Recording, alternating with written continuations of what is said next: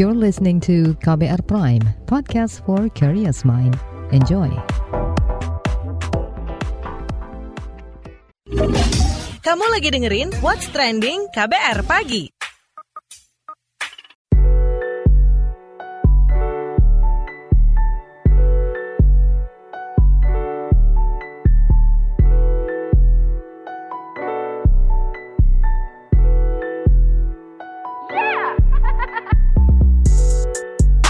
KBR Pagi, siaran pagi radio paling update. Selamat pagi, apa kabar Anda hari ini di hari Rabu 2 Februari 2022?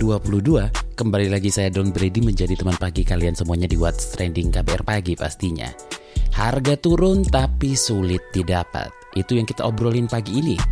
Jadi setelah mempertimbangkan hasil evaluasi program minyak goreng satu harga, yakni Rp14.000 per liter, maka Kementerian Perdagangan telah menerapkan harga eceran tertinggi atau HET minyak goreng mulai tanggal 1 Februari 2022. Jadi untuk minyak goreng curah dibanderol Rp11.500 per liter, minyak goreng kemasan sederhana Rp13.500 per liter, dan minyak goreng kemasan premium Rp14.000 per liter.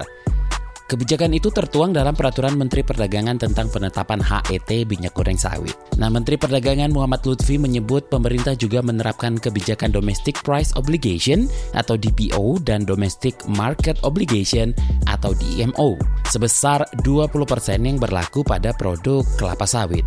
DMO adalah kewajiban pemenuhan kebutuhan dalam negeri, sedangkan DPO ialah kewajiban penyesuaian harga domestik. Lutfi kembali mengimbau kepada seluruh masyarakat untuk tetap bijak dalam membeli dan tidak melakukan panic buying karena pemerintah menjamin stok minyak goreng tetap tersedia dengan harga terjangkau. Selain itu, pemerintah juga akan melakukan langkah-langkah hukum yang sangat tegas bagi para pelaku usaha yang melanggar ketentuan-ketentuan tersebut. Sebelum kita bahas lebih lanjut, kita dengerin dulu komentar dari warganet plus 62 berikut ini.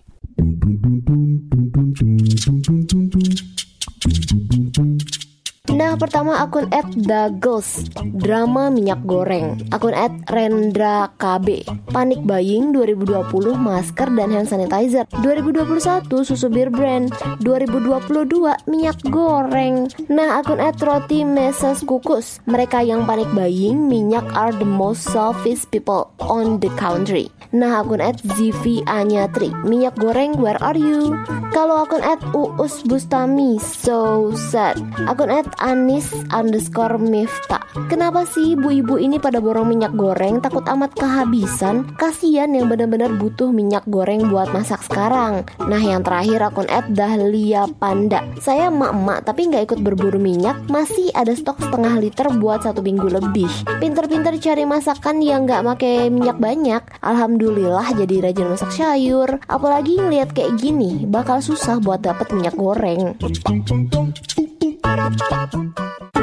What's Trending KBR Pagi. Kita lanjutkan obrolan kita pagi ini. Jadi Menteri Perdagangan Muhammad Lutfi saat rapat bersama Komisi Perdagangan DPR RI Senin 31 Januari kemarin menjelaskan harga eceran tertinggi minyak goreng yang ditetapkan mulai per tanggal 1 Februari 2022. Berikut kita simak penjelasannya. Adapun penetapan harga eceran tertinggi HET untuk minyak goreng dengan rincian minyak goreng curah sebesar 11.500 per liter, minyak goreng kemasan sederhana sebesar 13.500 per liter, dan minyak goreng kemasan premium sebesar 14.000 per liter.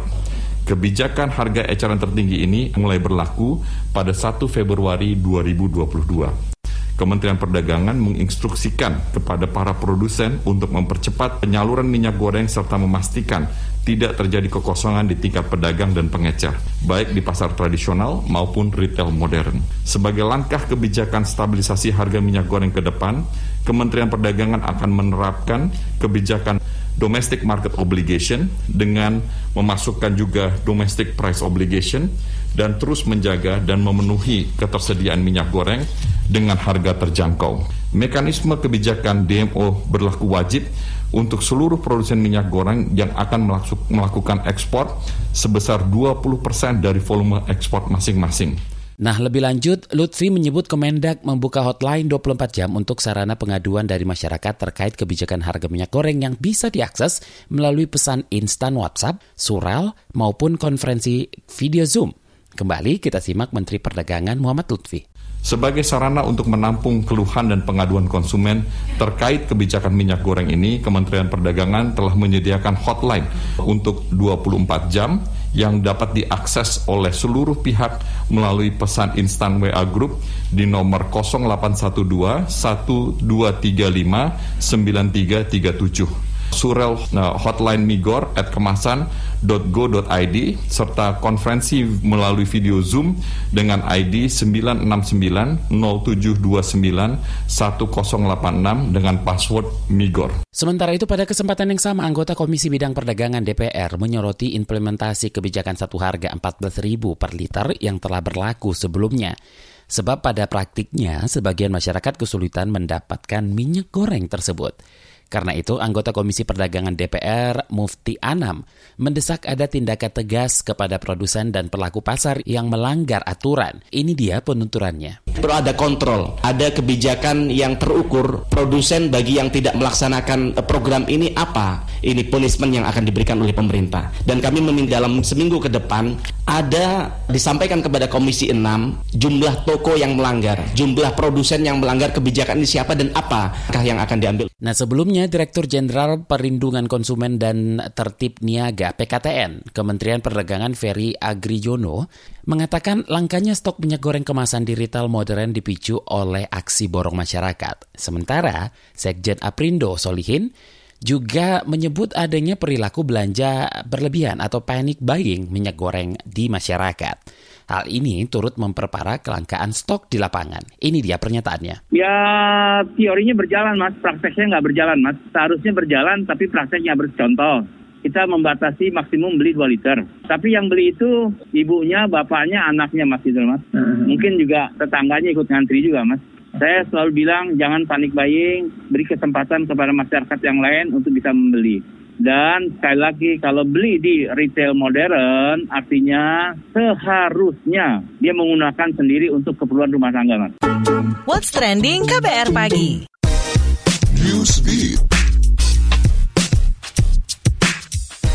Tak lagi menggunakan Emergency Use Authorization atau otoritas penggunaan darurat, kini vaksin Moderna sudah mendapatkan izin penuh di Amerika Serikat. Food and Drug Administration (FDA) memberikan izin penuh penggunaan pada orang berusia 18 tahun ke atas. Usai disahkan, vaksin Moderna akan dijual dengan merek Spikevax. FDA menilai pemberian izin penuh ini akan meyakinkan masyarakat akan keamanan, keefektivitasnya, kualitas manufaktur setiap produksi vaksin. Moderna menjadi vaksin kedua setelah Pfizer mendapatkan izin penggunaan penuh pada tahun lalu. Setelah melanggar aturan penguncian wilayah atau lockdown, Perdana Menteri Inggris Boris Johnson meminta maaf. Sebelumnya dikabarkan ada sejumlah pesta di kediaman sang Perdana Menteri di Downing Street saat kebijakan penguncian wilayah diterapkan. Melansir Reuters, masyarakat Inggris menganggap pelanggaran ini sebagai kegagalan penanganan COVID-19 di Inggris. Usai mendapat kritikan tajam, Boris Johnson mengklaim akan belajar dari kritik-kritik dan membuat perubahan ke depannya. Hype Entertainment mengkonfirmasi Jimin BTS positif COVID-19 dan mengalami radang usus buntu akut. Pada 30 Januari sore, member BTS ini mengalami sakit di area perut dan tenggorokan. Setelahnya, ia menjalani pemeriksaan sekaligus tes PCR. Kini, Jimin telah menjalani operasi usus buntu dan dalam masa pemulihan. Perusahaan yang didirikan Bang Sin Yok itu mengatakan Jimin tengah menjalani masa pengobatan dan rawat inap terkait COVID-19. Jimin sendiri menjadi member keempat yang dikonfirmasi COVID-19. Sebelumnya, Suga, RM, dan Jin sempat positif pada Desember lalu. What's trending KBR pagi? Masih bersama saya Don Brady di What's Trending KBR Pagi. Harga turun tapi sulit didapat. Itu yang kita obrolin pagi ini. Jadi penurunan harga minyak goreng tak lantas menyelesaikan persoalan. Sebab kelangkaan terjadi sejak kebijakan satu harga minyak goreng Rp14.000 diberlakukan. Hingga kini kebijakan HET Rp11.500 sampai Rp14.000 diterapkan. Kelangkaan ini disebut-sebut karena fenomena panic buying. Apa faktor fenomena ini terjadi? Kita obrolin bareng sosiolog Universitas Gajah Mada, Sunyoto Usman. Pak Usman, gimana nih fenomena panic buying yang disebut-sebut terjadi di masyarakat saat ada penurunan harga minyak goreng seperti ini? Kenapa nih Pak? Iya, kalau ekonomi ya keseimbangan penawaran dan permintaan kan penawaran tinggi, permintaan rendah atau sebaliknya itu lalu jadi masalah itu. Saya kira kebijakan-kebijakan itu tidak hanya mematok harga, tapi juga bagaimana suplainya itu penawaran bisa imbang dan permintaan. Bagaimana sebaiknya mengatur hal ini kalau tidak bisa dihindari? Gimana meningkatkan kesadaran masyarakat? Ya informasi, informasinya diperluas, jaminan-jaminan itu ditegaskan. Saya kira akan akan mudah dipahami. Ini kan biasanya kepanikan atau kesadaran seperti yang Anda harapkan itu kurang karena informasinya juga kurang ya, kurang baik informasi-informasi. Saya kira kalau itu informasi bisa diperbaiki, pemahaman bisa diperbaiki, dan jangan lupa bahwa pemerintah harus harus menegaskan bahwa jaminan itu ada. Sebetulnya tidak murah, murah ini kan jadi relatif ya. Sebenarnya terjangkau lah terjangkau dalam arti tidak membuat harga-harga yang menggunakan minyak goreng itu lalu jadi naik gitu. Kalau tak ada kesadaran maka perlu aturan ketat gitu ya, tidak perlu himbauan? Saya kira autohia itu letaknya bukan di pemerintah ya, tapi di grosir atau di tingkat penjual. Karena ketika nanti pasokannya itu sudah pulih dan dapat menjawab pasar, itu otomatis akan terjadi keseimbangan baru. Kalau semuanya diatur agak peraturan-peraturan itu nanti agak sulit karena realitas lapangan itu memang terjadi negosiasi, negosiasi, negosiasi, terjadi keseimbangan, bagaimana kegiatan yang kemudian menggunakan minyak goreng itu dapat terjangkau konsumen gitu ya. Jadi kalau menurut saya tidak harus sentralistis dari atas ya bagaimana di bawah itu dibangun produsen konsumen distribusinya itu bagus ya. Kalau diatur itu bagaimana logistik itu ya, bagaimana distribusi itu dapat menjangkau masyarakat yang lebih luas. Nah kalau panic buying terjadi di masyarakat apa sih Pak dampaknya? Yang dirugikan ya masyarakat bawah karena mereka kemudian tidak bisa memiliki akses pada tawak yang ditawarkan pemerintah.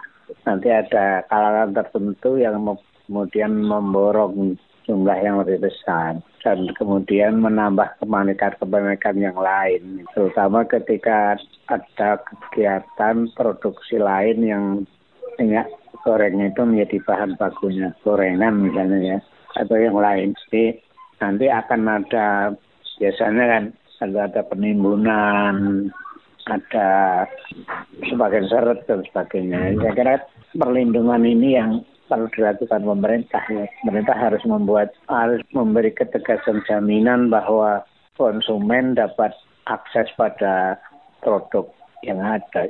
Oke, okay, nular nggak sih Pak? Kalau orang sebetulnya tenang tapi yang lain borong, maka bisa ikutan panik dan menimbun juga? Iya, karena bisa. Karena sosiologically ya itu banyak tindakan-tindakan itu yang didriven oleh orang lain ya. Tidak datang dari dirinya sendiri. Jadi ada gesekan-gesekan orang lain ada stimulan orang lain yang yang kemudian dia ikut-ikutan seperti itu ya jadi banyak yang lingkungan itu yang mendriven ya ketika orang melakukan seperti itu maka dia kemudian terstimulan untuk melakukan hal yang sama. Terima kasih Sosiolog Universitas Gajah Mada Sunyoto Usman. What's Trending KBR Pagi Commercial Break Sudah tahu yang satu ini? Sekarang kabar baru ada di playlist teman perjalananmu. Kamu masih bisa update dengar berita terbaru sambil dengerin lagu kesukaanmu. Semua bisa kamu dengerin di playlist Daily Drive Spotify. What's Trending KBR Pagi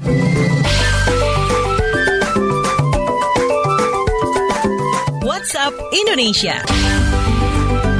WhatsApp Indonesia dimulai dari Jakarta. Mabes Polri memperkenalkan seragam baru dari Satuan Pengamanan atau Satpam. Seragam baru petugas Satpam berwarna krem diperkenalkan pada HUT Satpam ke-41 yang digelar hari ini 2 Februari 2022.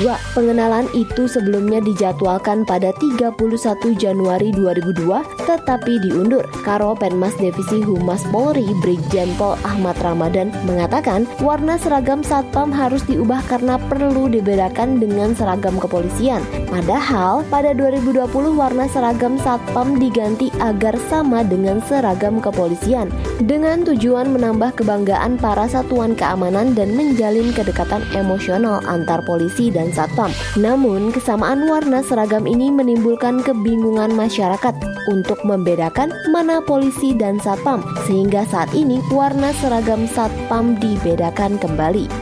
Masih dari Jakarta, atasi persoalan sertifikat vaksin di Indonesia tidak dikenal atau diakui di sejumlah negara di luar negeri. Kementerian Kesehatan menerbitkan sertifikat vaksin internasional. Sertifikat ini disesuaikan dengan standar Organisasi Kesehatan Dunia atau WHO.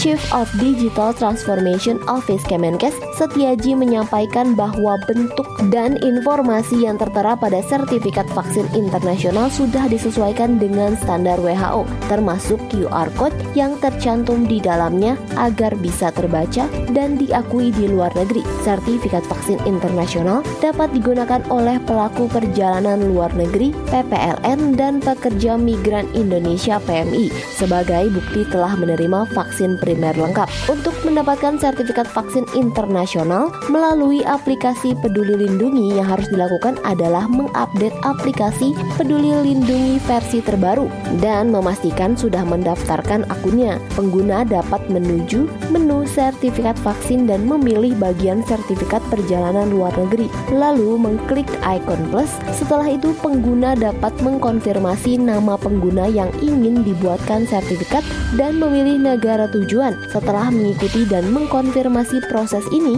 sertifikat akan aktif dan dapat digunakan. Sertifikat internasional ini bisa dimanfaatkan untuk perjalanan haji dan umroh.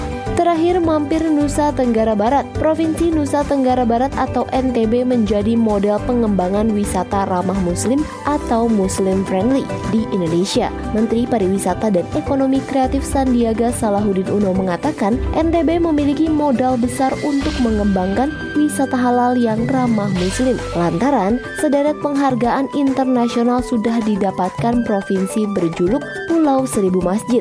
Sandi mengaku tengah fokus pada quality and Sustainable Tourism. Pada tahun 2019, Indonesia terpilih sebagai destinasi wisata halal terbaik dunia di ajang Global Muslim Travel Index atau GMTI, mengungguli 130 destinasi wisata di dunia. Sejumlah destinasi mendapat Halal Travel Award di antaranya Lombok, NTB yang ditetapkan sebagai The World Best Halal Tourism Destination and the World Best Halal Honeymoon Destination. Men Parekraf Sandiaga juga menjelaskan, Indonesia mempunyai potensi besar untuk mengembangkan wisata halal dan menjadi destinasi muslim friendly best terkemuka di dunia. Pengembangan potensi wisata halal tersebut dalam upaya menciptakan lapangan kerja dan menarik devisa dari muslim traveler dengan optimal. Demikian WhatsApp Indonesia hari ini. Demikian KBR pagi hari ini. Jika Anda tertinggal siaran ini, Anda kembali bisa menyimaknya di podcast What's Trending yang ada di Spotify, kbrprime.id, dan di aplikasi mendengarkan podcast lainnya. Don Brady undur diri. Besok kita ketemu lagi ya. Stay safe. Bye-bye. Terima kasih ya sudah dengerin What's Trending KBR Pagi. KBR Prime, cara asik mendengar berita. KBR Prime, podcast for curious mind.